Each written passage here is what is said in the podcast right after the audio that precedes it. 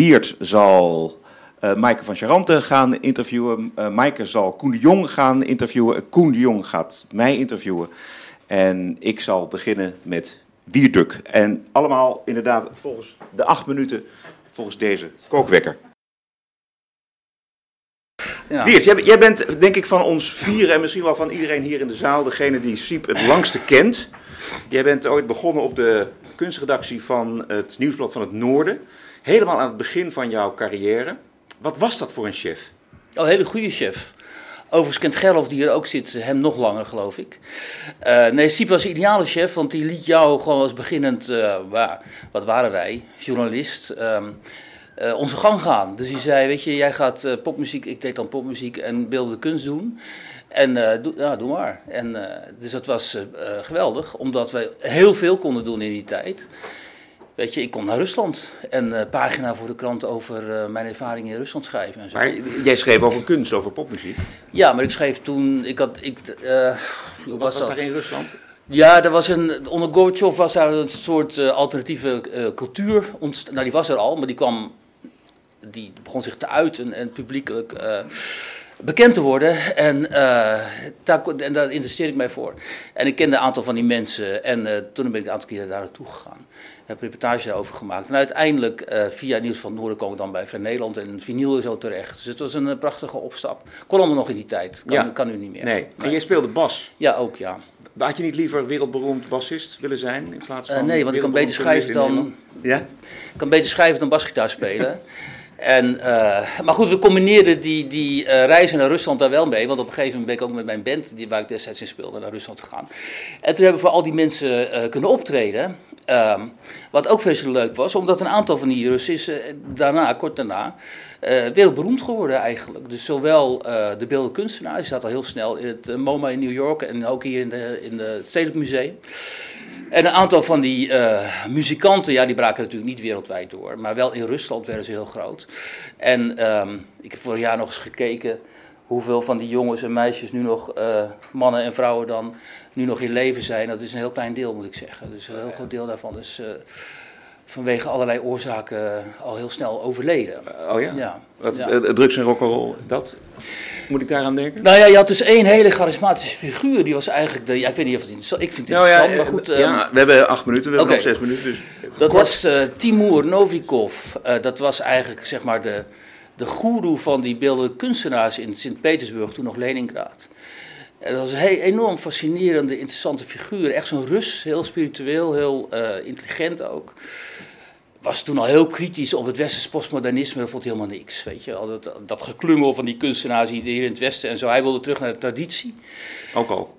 Toen al. Ja. En uh, er zijn allemaal heel afwijkende standpunten in. Dat vond ik ook zo mooi. Totaal afwijkend van wat hier in het Westen dan politiek correct, in de kunst uh, politiek correct was en zo. Dat vond hij allemaal niks, weet je. En, uh, en hij is toen um, met, die, nou ja, met, die, met die kunstenaarsbende, zeg maar, doorgebroken. En het mooie aan Rusland is, althans was destijds, dat hij ook al vrij snel daar de credits kreeg voor wie hij was en hoe goed hij was. En hij is toen bij de Hermitage in Petersburg is gewoon curator geworden uiteindelijk is hij blind geworden. En toen heb ik hem nog eens een keer opgezocht. En voor iemand die van beeldende kunst houdt, is niks ergens dan blind. En toen zei hij twee dingen van, uh, ik vind het niet zo erg, want dan hoef ik al die troepen uit het Westen niet meer te zien. Zo. En dat vond ik heel mooi vond, treffend. En hij zei ook dat hij heel, die kunst had hij helemaal verinnerlijkt. Dus hij zag het nog wel. Oh, okay. Maar hij zag het dus in zijn hoofd. En hij is, hij is gewoon aids overleden, alleen dat kon je toen niet zeggen. Dus toen zei hij dus dat hij aan hepatitis was overleden. Maar hij had, hij had gewoon aids, die jongen. Jij maar bent, indrukwekkende figuur. Ja, ja. Jij bent, uh, later ben je zelf naar Rusland gegaan als correspondent. Je bent naar Duitsland geweest. Je, je, bent in 2006 ben je teruggekomen naar Nederland. Na 14 jaar buitenland. Um, en toen ben je eigenlijk vrij snel de, de, meest besproken journalist van Nederland oh, geworden. Met name via social media. Is dat een positie die je zelf hebt opgezocht of is het je overkomen? Nee, dat is mij overkomen. En ik heb er wel eens over nagedacht, hoe kwam dat nou? Uh, en dat kwam denk ik vooral omdat rond 2014, toen begon ik mij te mengen in dat debat hier in Nederland. Uh, en dat ging destijds vooral over Rusland en, en uh, Poetin. Dus toen kon ik die expertise uit Rusland aanwenden. En heel snel daarna kwam het jaar 2015 met die vluchtelingencrisis in Duitsland. En ik was een correspondent geweest ook in Duitsland. Of ik was het weer even, een korte periode. Dus toen begon ik te schrijven over de, het Weerschaffendas-politiek van Merkel. En wat het allemaal voor gevolgen had voor die nou ja, voor die samenleving en over die, vooral die toestanden destijds bij het station in Keulen ook, toen met Oud en Nieuw. en ik mengde mij ook in Nederlandse dossiers. Dus toen werd ik op allerlei dossiers iemand die een andere mening had. want ik ging dus niet mee in die Weerschaffendas halleluja. En ik ging ook niet mee in die, in die gedachte dat uh, wat daar in Oekraïne gebeurde, dat dat een soort vrijheidsstrijd van Oekraïnse democraten was. Maar dat een hele geschiedenis aan vooraf ging, waarin het Westen ook een hele kwalijke rol heeft gespeeld. En met name de Verenigde Staten. Nou, uh, dat moet je, niet, moet je nu helemaal niet meer zeggen. Maar toen ook niet, want dan ben je dus een Poetin de. Uh, dus op een aantal dossiers nam ik zeg maar een schaarse mening in destijds. En dus toen werd ik gevraagd voor programma's en zo.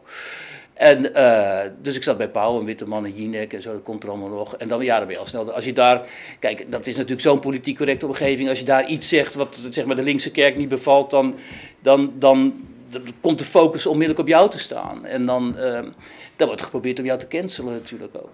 Is je dat um, uh, eigenlijk tegengevallen, de, de, de, heftigheid van het verzet eigenlijk tegen jou? Want je ziet, en je, je bent voor alles uitgemaakt. -huh.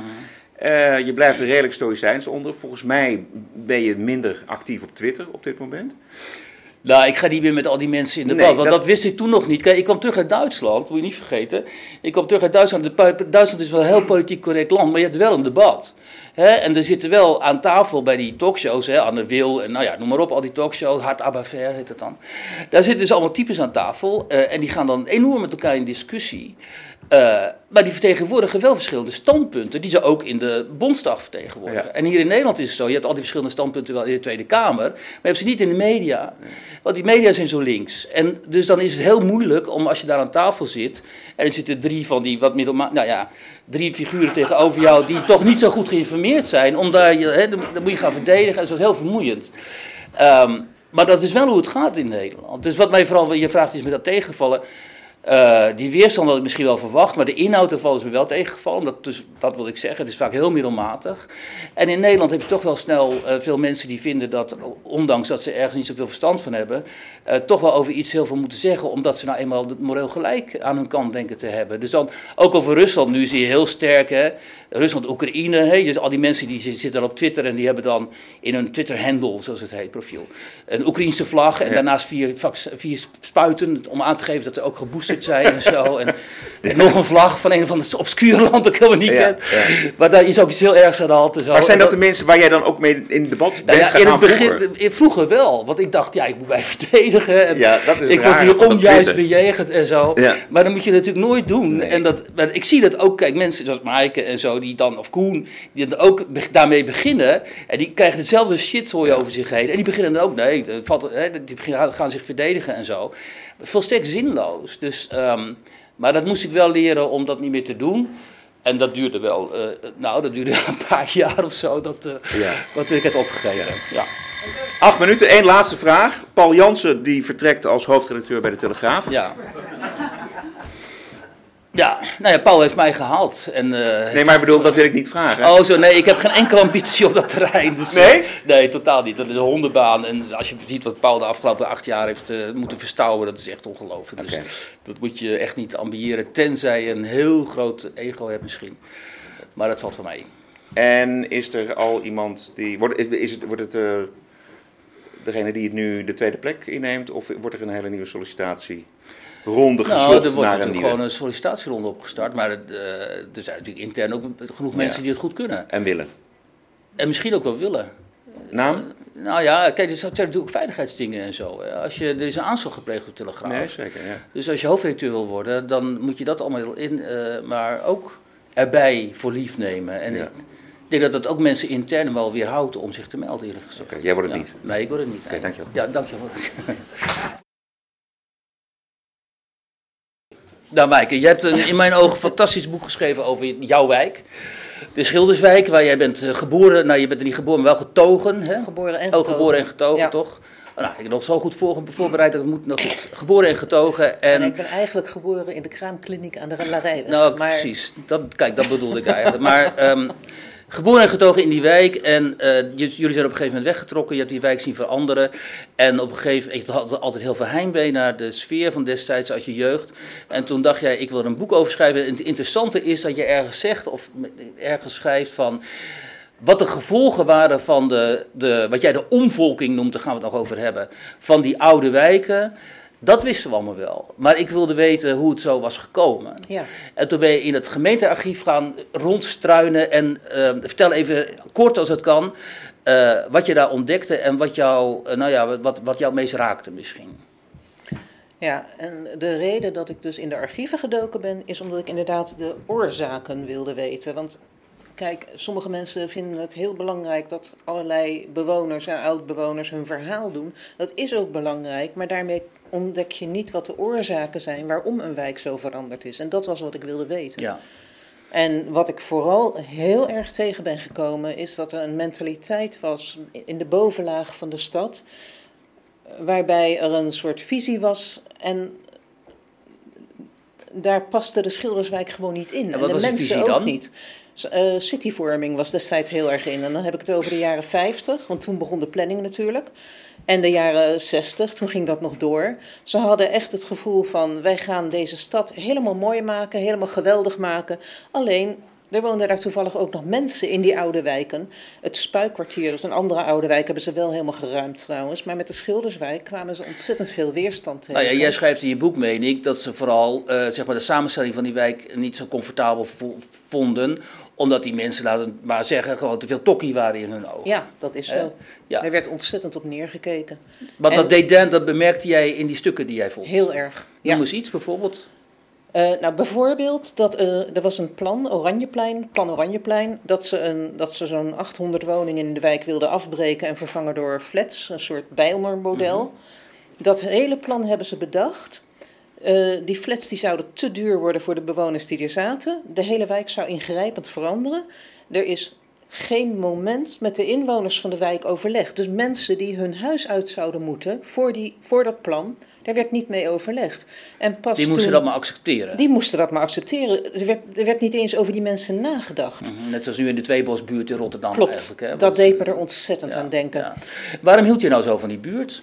De sfeer. Wat was het dan?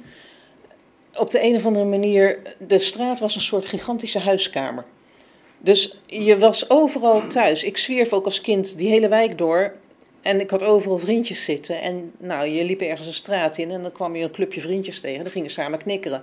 En dan eh, werden er een paar naar binnen geroepen. En dan ging je een straat verder. En dan waren weer andere vriendjes. En dan ging, ging je weer wat anders doen. En de mannen in de wijk hielden oogje in het zeil. Ja, ja, Dus dat als er heeft... wordt gevochten en zo, dan grepen ze in of zo. ja, er waren altijd wel ergens kerels aan het werk, bouwvakkers, eh, glazenwassers, weet ik veel.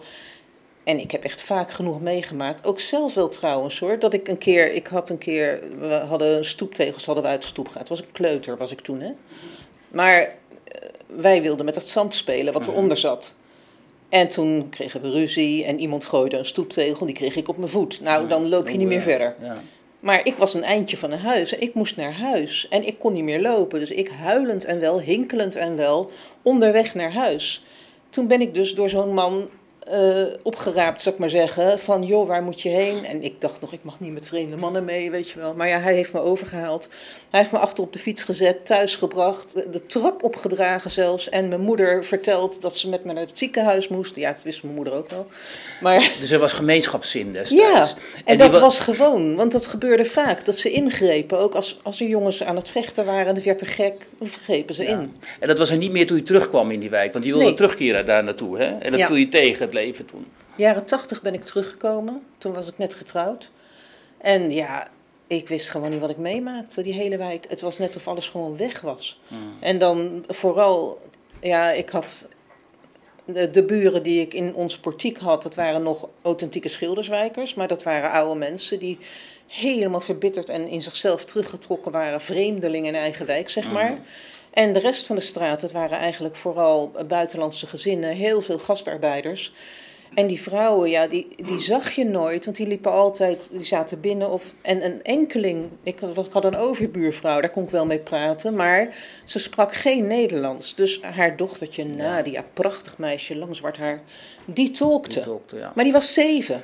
Dus wat Ja. kan je voor gesprek voeren? Ja, dat is wel herkenbaar in die gastarbeidgezinnen dit. Hè? En jij noemde dus wat er ge- gebeurd is met die wijk omvolking. Nou, dat heb je geweten, want die hele meute die zich ook vaak tegen mij Ja. keert, die keerde zich vervolgens tegen jou. Was ik er even vanaf, gingen ze naar jou toe. even pauze. Ja, maar waarom is het zo'n, kennelijk zo'n beladen term? Uh, het is een term die komt van het Duitse Umvolkung, en dat is een nazi-term.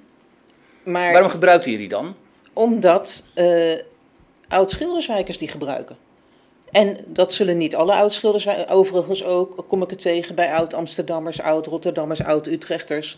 Het is een term die gebruikt wordt omdat dat weergeeft wat er gebeurd is. En het punt is, dan wordt er vanuit allerlei politiek correcte kringen ongelooflijk moeilijk gedaan vanwege uh, de nazi-klank. Uh, Euthanasie is ook een nazi-woord, als je het heel letterlijk gaat nemen. Maar jij wilde het bewust gebruiken omdat je zegt het is ook het, het, het, het, het nou ja, het weerspiegelt ook de klassenstrijd. Dat is wat jij ja, erover zei. Ja, en het punt is. En hoe dan? Dat die mensen, die zijn niet zo wel bespraakt vaak. Die hebben, uh, die hebben niet allerlei. Kijk, uh, op een gegeven moment. Want het zijn meestal laag opgeleide arbeidersmensen ja. waar je het over hebt. Ja. Jij komt zelf ook uit zo'n uh, ja. milieu. Ja, dat klopt. Je vader was postbode. Ja. ja. En mijn vader had veel meer capaciteiten, maar ja, die heeft zijn eigen verleden. Dus, uh, en zo zijn er natuurlijk altijd mensen in de wijk. Maar uh, het punt was dus, kijk, als je mensen woorden gaat verbieden, verbied je ze in wezen om uiting te geven aan hun gedachten. -huh. En op een gegeven moment ging de term rond dat we het dan uh, derde demografische transitie moeten noemen. Maar oh, ja, het is geen woord, weet je wel? Mensen moeten zich kunnen uiten. En ja. op het moment dat je dat uh, gaat taboeiseren, dan eigenlijk sla je het debat dood. Ja. Want het debat wat achter de term omvolking zit, is een debat wat volgens mij gevoerd moet worden. Want er zijn heel veel wijken in Nederland die verkleurd zijn. Ja, de Schilderswijk schijnt een extreem voorbeeld te zijn. Maar ik hoor van heel veel mensen uit het hele land dat ze allerlei aspecten eruit herkennen. En ik denk het heeft te maken met een mentaliteit bij wat ik echt de elite noem. Mag ook niet, doe ik lekker toch. Maar dat zijn de mensen die het allemaal beter weten, die, die uh, alles, uh, die gewoon aan de voorspoedige kant van de samen. Je weet wel, niet de afgehaakten. Oh ja, de anywheres en de somewheres. Ja. Anyhow, dat is een nieuw begrip. nou ja, nog zo'n term die, die mensen, je niet mag gebruiken. Ja, dat, mag je, dat was het ook het stomme. Dat was een volstrekt neutrale term die ik ging gebruiken. En ja. daar werd ik ook weer op aangesproken. Ja, maar even uitleggen. Oh, nou ja, oh. geen tijd meer voor uitleg, maar de, ja, zoek je, op op Google de anywheres en de, en de somewheres. Dus dat is wel een interessante discussie tegenwoordig. Dat gaat inderdaad over mensen, de, de, anywhere, de anywheres, die overal, de globalistische elite zoals het dan heet, die overal thuis zijn. En de somewheres, die geworteld zijn, zoals jij destijds in die Schilderswijk. En die vaak uit die omgeving worden getrokken en dan ontworteld verder moeten eigenlijk in de samenleving. Daar komt het op neer. Ja. Dankjewel, Maaike. Alsjeblieft.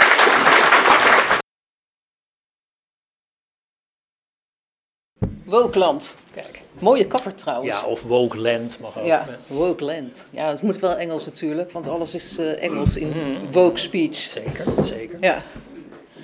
Waar ik aan moest denken toen ik jouw boek las, het hele woke gebeuren doet mij vaak denken aan, aan de romantiek. Alles is gevoel en de hele ratio gaat ergens achter in de bus. Ja. En als je in de geschiedenis kijkt, dan heb je altijd van die golfbewegingen. Je hebt periodes dat de emotie de overhand heeft, periodes dat de ratio de overhand heeft. En toen dacht ik, jij schrijft aan het eind ergens dat er toch een kentering lijkt te zijn. Denk jij dat woke ook zo'n golf is en dat we een beetje over het hoogtepunt heen zijn? Ja, dat van die kentering, dat is um, uh, toegegeven, dat lijkt op een voorspelling, wat je niet moet doen als historicus. Maar ik, de kentering is al een beetje merkbaar in zoverre dat het heel veel weerstand oproept. Uh, ik durf niet te gaan beweren dat het binnenkort over is. Ik denk zelfs dat het vast nog wel een decenniumpje meegaat, het woke denken. Maar je hebt helemaal gelijk dat het gebaseerd is op emotie. Ja en niet op feiten. Nou is politiek voor een heel groot deel emotie, maar het is toch ook wel prettig als er feiten bij komen kijken. Ja. Maar woke strekt zich naast tot politiek ook heel erg uit tot wetenschap en kunst en uh, uh, de, hele, eigenlijk de hele culturele uh, en entertainment sector. En daarbij is het toch wel heel erg van belang dat emoties wel een plek hebben, maar dat die ook vrij kunnen zijn. En dat die, niet, dat die niet voorgeschreven worden. Want woke is niet alleen maar emoties, maar ook voorgeschreven emoties. Emoties die jij moet hebben, die jij hoort te hebben. Ja, en heel erg een soort zedenleer vond ik. Van dit hoor je te vinden, dat hoor je niet te vinden. Dit woord moet je wel gebruiken, dat woord mag je, dit woord moet je gebruiken, Ja, dat woord mag je gebruiken, dit mag niet. Weet je wel? Het wordt allemaal zo, ja, het is, het is bijna een religie. Maar ja, Ehm, ja, zoals, zoals wel meerdere ideologieën religieuze trekjes Ja. hebben. Maar ehm, bij, bij woke telt heel erg inderdaad mee eh, wat, je zegt, fatsoen, fatsoenspraat. Ik, ik heb het, ik meen ik zelfs in het boek op een gegeven moment D66 fatsoensprut genoemd. Dus zeg maar, eh fatsoensgebrabbel, dat, eh, dat, dat zeg maar wordt gezien als de mening die je zou moeten hebben als je weldenkend bent. Ik Ja. gebruik ook de term weldenken in Nederland. Wat ik dan even lichtjes formuleer als eigenlijk ja, mensen die het voor het zeggen hebben en vinden dat ze de moraal aan hun kant hebben. En die Ja. bevinden zich vaak op posities van invloed en hebben Ja. een grote roeptoeter. En Ja. inderdaad, fatsoenspolitie kun je het ook wel een beetje noemen, langzamerhand. ja, en ook inderdaad, zij hebben een soort claim op de waarheid en, op, En op de moraal. en op de moraal, maar die leggen ze ook op aan de rest van de samenleving. Het is eigenlijk heel antidemocratisch, vind ik. Want Ehm, andere stemmen, die mogen er in wezen niet Ja. zijn, want die deugen niet. Ja, ik wil even wat nuancering aanbrengen. Natuurlijk is het zo dat woke invloed heeft. Het is Ja? niet zo dat alles wat we horen woke is. Hè. Ik bedoel, het, zit met name in cultuur, entertainment, wetenschap, maar ook beleid wat in Den Haag wordt bedacht. Ook de, eh, de kunstsubsidies in Amsterdam met name, maar ook de hele discussie over slavernij. Aan de andere kant is het natuurlijk niet zo dat er geen weerwoord is. Hè. Er is ook een rechts, er is ook een rechtse wolk. Nou, Rutte had het woord wolk erin gegooid, dus dat Ja. blijft dan hangen bij mij. Er is ook een rechtse wolk die ageert te- en, en die, die tegenover de, de woke eh, wolk staat. En er is natuurlijk ook wat, wat men in populisme noemt, wat ik een slechte term vind, maar er is in ieder geval een tegenbeweging, of in ieder geval een, een club mensen die niet zo blij is met degene die het voor het zeggen hebben. Dus het is niet zo dat het, dat je, je moet het niet voorstellen als een soort dictatuur waarbij er alleen maar dingen over je heen worden gegooid en niemand meer, dat je nooit meer iets anders hoort. Maar het is wel heel erg dominant Ja, omdat, Ja. kijk, de mensen die er heel erg tegen zijn, zijn over het algemeen niet de mensen met posities van invloed. Hm. En ook, ook waar, en daar zit een kern in van, van verandering, er zijn genoeg mensen op posities van invloed die het ook niet zo geweldig vinden. Alleen die zeggen niks. Die kijken wel link uit. Ja maar die gaan mee in een soort groepsdenken voor mijn gevoel. Want jij had het op een gegeven Of moment maken een over... carrièrekeuze, maken een bewuste carrièrekeuze. Dat kan ook. Dat komt allemaal voor. Maar jij had het erover dat het eigenlijk een klein groepje is en dat ze toch heel veel invloed hebben. Ja, de activisten. Dus Ja. er is een harde kern van activisten. Ja. Dat is ook de cover, zeg maar. Ja. Ik kreeg al een paar boze reacties eh, dat, dat deze mensen erop stonden. Wat, wat daar nou weer mis mee is, weet ik ook niet precies. Maar, maar de cover geeft aan, er is, is een kleine groep met mensen die echt ideologisch gedreven zijn. Nou, Sylvana Simons is er een van, Aquasi, maar ook een aantal Gloria D66. Wekker had erop gemoeten misschien. Gloria Wekker had gekund. Sunny Bergman. Maar niet onbelangrijk, D66-politici. Die Ja. het allemaal aanjagen en belangrijk maken. Uit partijpolitieke motieven ben ik van overtuigd. Ik Ja. denk niet dat ze het allemaal echt geloven. Maar dat zijn dus de mensen die aandrijven. En tegelijk heb je heel veel mensen die eraan meedoen, mee profiteren op allerlei manieren. Maar ook mensen natuurlijk die meedoen uit een soort van laat ik maar meedoen, want ik heb geen zin in eh, die, zeg maar, die Twitter-hakbijl. Of, en Twitter is nog overleefbaar, maar er zijn natuurlijk ook mensen, zeker in de cultuursector, die van subsidie leven. Ja. Of die, die in ieder geval een poging moeten doen om, om eh, je moet bij een museum maar binnenkomen. Je moet ook maar bij een, bij een, in de media heb je wel meerdere smaken, maar het is, als je in, om, op plekken waar woke denken dominant is mee wil doen, zou je ook een beetje mee moeten praten, over het algemeen. Ja. Ja, want dat was ook nog een, een vraag die ik had. Kijk, zoals bijvoorbeeld inderdaad die D66-politici. Ik heb het gevoel dat die het dan inzetten als een soort kaart om een, bepaalde, een bepaald imago te laten zien. Zodat mensen hen progressief zullen vinden of iets dergelijks. Zonder dat het hun heel veel hoeft te kosten. Ik, ik zie het wel als een vorm van marketing hoor. Ja, Kijk, het woord woke is sowieso grappig. Ik, ik probeer echt te beschrijven wat, wat ik ermee bedoel. Je, je bent ongetwijfeld bekend met het feit dat mensen nu heel hard aan het ontkennen zijn dat woke Ja, bestaat. oh ja, dat, dat is woke is er niet, het zou er niet zijn. Het Ja. zou een rechtsverzinsel zijn of een extreem rechtsverzinsel. Of het is, het is zeg maar verkeerd gebruikt of de term is gekaapt door rechts. Dat zei zelfs Pieter Klok, de, hoofdredacteur van de Volkskrant. Die wil het woord eigenlijk niet meer gebruiken, want het is door de verkeerde mensen overgenomen. En nou ja, die attitude, zeg maar, die ik zelf heel Dat- grappig vind, want er wordt ook continu over neoliberalisme en over populisme gesproken. En niemand die het ooit kan definiëren. Tenminste, niemand die erover klaagt. Maar eh, jouw oorspronkelijke vraag even, sorry. Ik ben, eh, Nou ja, dat dat imago gebeuren zo meespeelt. Want zoals Ja. bijvoorbeeld, ook Ja. nog zo'n voorbeeld. Alle grote media, dus NOS, eh, RTL, ehm, NRC, Volkskrant, Trouw, zijn allemaal overgestapt bijvoorbeeld op het woord wit voor onze huidskleur. Ja, dat is, dat is, een, dat is, een soort, dat is wel zeg maar een groepsdingetje geworden, Ja. zeg maar een opiniezwerm. Eh, als de een begint, dan begint de ander. De Telegraaf doet het nog steeds Nee, niet, die hebben, ik. Eh, Paul wie kan dat bevestigen, een denk ik. heel goed stuk erover geschreven. Ja, en ik zelf vind het echt een totale cosmetische verandering waar Ja. je niks... Het is hetzelfde als allochtoon, bicultureel, migrant, eh, het- het- eh, noem maar op. Je kan elke vijf jaar de termen veranderen. Ik denk dat iedereen weet wat er met wit of blank wordt bedoeld. Maar de stelling is dat blank een heel eng fout woord zou zijn. Wat, Ja, wat, onderhand maar- is dat zo geëvolueerd. Want dat schreef de hoofdredacteur van Trouw, dat het nu een...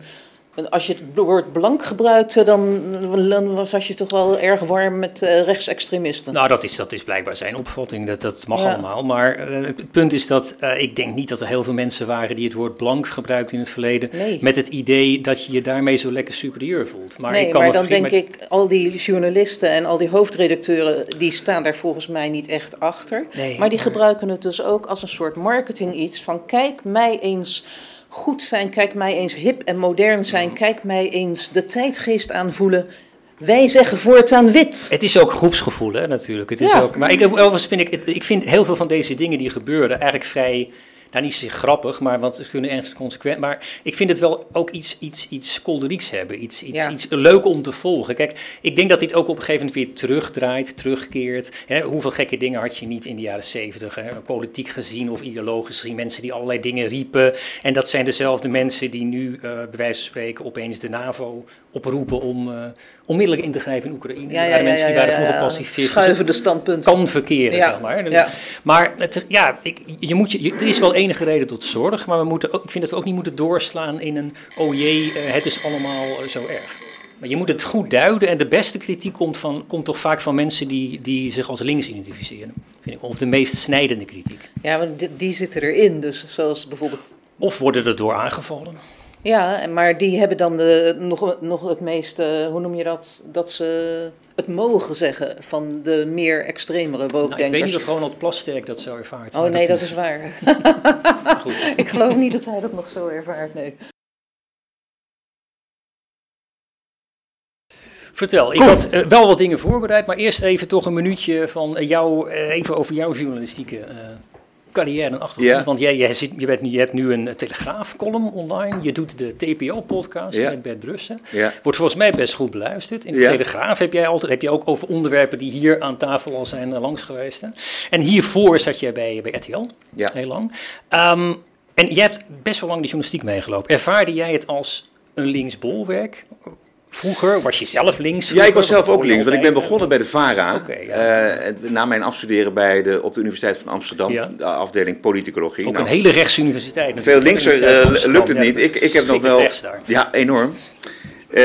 Nee, wij moesten op de Universiteit van Amsterdam moesten wij nog bijvoorbeeld eigenlijk alle werken, alle scripties die je maakte, dat moest in de het thema van de klassenstrijd. Dus het was echt, echt een, ik kwam echt uit een links bolwerk. Ja. Maar, maar ik kom wel uit een familie, een VVD-familie. Dus, ik, dus ik ben alle kanten opgegaan. Ja, eigenlijk. ja, was je aan het rebelleren nog ook? Ja, zeker. Ja. En, maar ik, ik ging met volle overtuiging bij de VARA aan de slag. Ja. En ik heb daar eh, heel lang, eh, eigenlijk heb ik daar het journalistieke vak geleerd. En pas later eh, ben ik wat gaan schuiven in die eh, politieke eh, meningen. Ja, want ik weet niet of je jezelf nu als rechts zou willen gaan omschrijven. Of wil je, moeten we juist van die termen af? Moeten we juist van die Nou ja, eh, eh, ik denk dat we heel erg af moeten van die, eh, dat, dat stickeren van, van Ja, mensen. Weet je? Dus het, als je de, de sticker rechts of extreem rechts of links of extreem Mhm. rechts of extreem links uitdeelt, ja, dan, daarmee probeer je eigenlijk die discussie al helemaal te framen. En dat is eh, iets waar ik eh, helemaal geen zin in heb, wat ik hem niet fijn vind. Ik vind ook, ehm, want op Twitter en ook in die columns zijn mensen dus die zeggen van, oh fijn dat je dit schrijft en ik ben Ja. ontzettend blij eh, dat je eh, dit standpunt inneemt. En dan krijg je bijvoorbeeld ook weer mensen, als je bijvoorbeeld een andere mening hebt, eh, of je, je vertelt eens een keer eens wat anders, dan zeggen, worden mensen boos. We hebben dat, we hebben dat met, de, met de podcast hebben, hebben we dat heel Mhm, erg meegemaakt. Wij zijn, Bert en ik zijn allebei een beetje misschien, om eerlijk te zeggen, toch ietsje rechts van het midden. Ehm, maar op een gegeven moment keren wij ons zeker in de COVID-tijd heel erg Ja. af van eh, Forum voor Democratie en Mhm, van het, eh, dat hele gedachtegoed. En dan krijg je dus al die luisteraars die graag wilden luisteren omdat ze hun eigen mening bevestigd kregen. Eh, die hoorden opeens hele andere dingen. Nou, we hebben echt woedende uh, e-mails gekregen. En mensen die uh, hebben gezegd van nou, voor ons, uh, Bert Brus en Roderick Velo, wij, moeten jullie niet meer. Ja, ja, we dus zeggen... het, is aan beide kanten levert ja. dus die, dat stickeren Tunnel. van rechts en links hele mm -hmm. erg beperkte ja. gedachten op. Tunnelvisie. En het valt op, hè, dat ik, ik zag laatst een, een, een stukje podcast met Joe Rogan, die bij heel veel mensen ook al allemaal rood allemaal op, als een stier, als een rode lap op een stier werkte. Maar Rogan had een interessante gast, Haidt, een psycholoog, die zei ja, je kunt nu in 2023 bijna op basis van drie opmerkingen voorspellen waar iemand staat. Als iemand een mening heeft over COVID, of iemand heeft een mening over Oekraïne, of over woke, of over kleur, of over racisme. Als hij één of twee van die meningen heeft, dan weet je dat hij een heel pakket aan meningen heeft dat daarbij hoort. Ja, weet dan je, zit hij of, in het ene kamp. Of vermoed je dat? Nou, dat, dat, hij zei dat je, dat je dat langzamerhand statistisch kon gaan voorspellen, omdat mensen wat voorspelbaarder worden. Precies wat jij zegt, als jij dan iets zegt wat buiten de bubbel valt, dan wordt er, dan wordt er heel hard gekrijsd, zeg maar. Ja, nee, dat was erg. de bedoeling. Ja, echt vind ik treurig. Ja, en zeggen. volgens deze meneer Hyde was dat in de jaren 80 en 90 veel minder. En terwijl ik kan me herinneren als student in de jaren 90, werd er ook fel gediscussieerd. En daar werd je ook voor van alles en nog wat uitgemaakt. Maar dan hadden mensen nog, zeg maar, overlappingen van meningen. Bij spreken. Je kon, Ja. pacifist, je kon zeg maar het kapitalisme steunen en toch pacifistisch zijn. Ik noem maar dat soort Ja, combinaties. ja. En nu, Ik, ja, ik denk ook dat het te maken heeft met mensen die zich via Twitter of andere sociale. Mhm. media bezighouden met het publieke debat. Ook heel erg behoefte hebben aan houvast. ja, En, maar ik, vind het, ik word er helemaal allergisch van als, als mensen mij eh, zouden willen framen. Eh, dus dan, dan heb ik de neiging om eh, toch weer ook een, een andere mening te kiezen. ja. En wat vond je van het, eh, de actie van Rutte, die ook zeg maar een, probeert een tweedeling op gang te brengen Ja, in, de, dat is in, de denk P- in de provinciale statenverkiezingen? Ja, maar dat is eh, ingegeven door echt het eh, idee dat je met een twee-strijd Ja, ja, ja. eh, eh, ook ja, een politieke winst kunt behalen. Ja. Dat heeft hij natuurlijk gezien. Een prachtig voorbeeld is zijn tweestrijd met Diederik Samsom, Ja, toen ja, ja. PvdA-leider. En dat heeft beiden enorme winst opgeleverd tijdens de verkiezingen. Dus Zeker. nou, we krijgen weer verkiezingen Ja. in maart. Ja, dus ja. ik vind het niet eh, raar dat eh, Rutte dit doet. Maar wel Nee. doorzichtig. Maar het, is, het, het lijkt een beetje als meer marketing dan doelgroepenbeleid. Ik bedoel, ga je, toch of niet? Of is politiek marketing aan het worden? Voor een groot deel? Nou, als het marketing is, dan doet de VVD dat wel, eh, de partij van Rutte, heel erg slecht, moet ik zeggen. Want die hebben wel een mooi partijprogramma, maar die Ja. leveren dan heel veel weer in van dat partijprogramma bij de onderhandelingen voor dit kabinet. En daar komt eigenlijk heel weinig van terecht. Misschien dat ze nu proberen, de VVD met Rutte, om dat, ehm, daar nog iets goeds van te krijgen. Maar ik betwijfel het of Denk, dat gaat lukken. denk jij dat er echt verschil bestaat tussen VVD en de combinatie PvdA GroenLinks?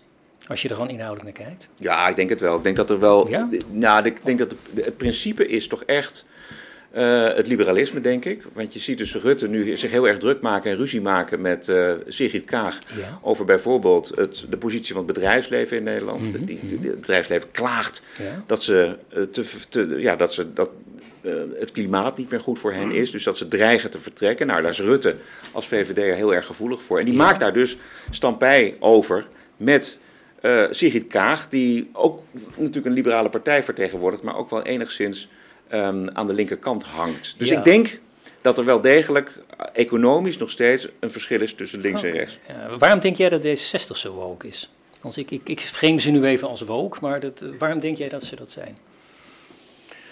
Nou, het is natuurlijk een hele keurige eh, partij. En ze willen vooral heel keurig zijn. Ja, ja.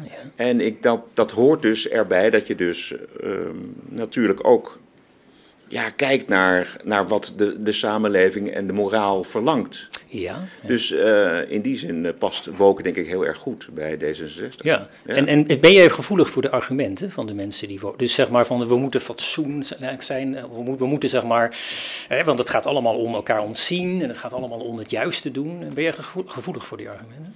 Ja, ik, kijk, ik vind niet dat je elkaar eh, zomaar moet eh, eh, beledigen of, of met wil om iemand te krenken, of Ja, ja. iemand krenken. Dat, dat, dat, dat, dat- dan krijg je een hele vervelende samenleving volgens mij. Dus ik vind dat je wel degelijk rekening kunt houden met mensen. Maar wat mij, het grootste bezwaar van mij tegen de woonbeweging is, en dat zeg ik ook in mijn columns, is ja, de onverdraagzaamheid ervan. Dus het, het, het, vooral het opdringen ervan en zeggen wat ook al in het gesprek met Maaike eh, genoemd is, namelijk dat je de ander eh, de moraal oplegt. Ja, en dat is wat gebeurt. En dat is wat gebeurt en dat, is, dat, dat heeft een enorme onverdraagzaamheid. En ja, beëindigt ook het eh, debat. En dat vind ik jammer. Dankjewel.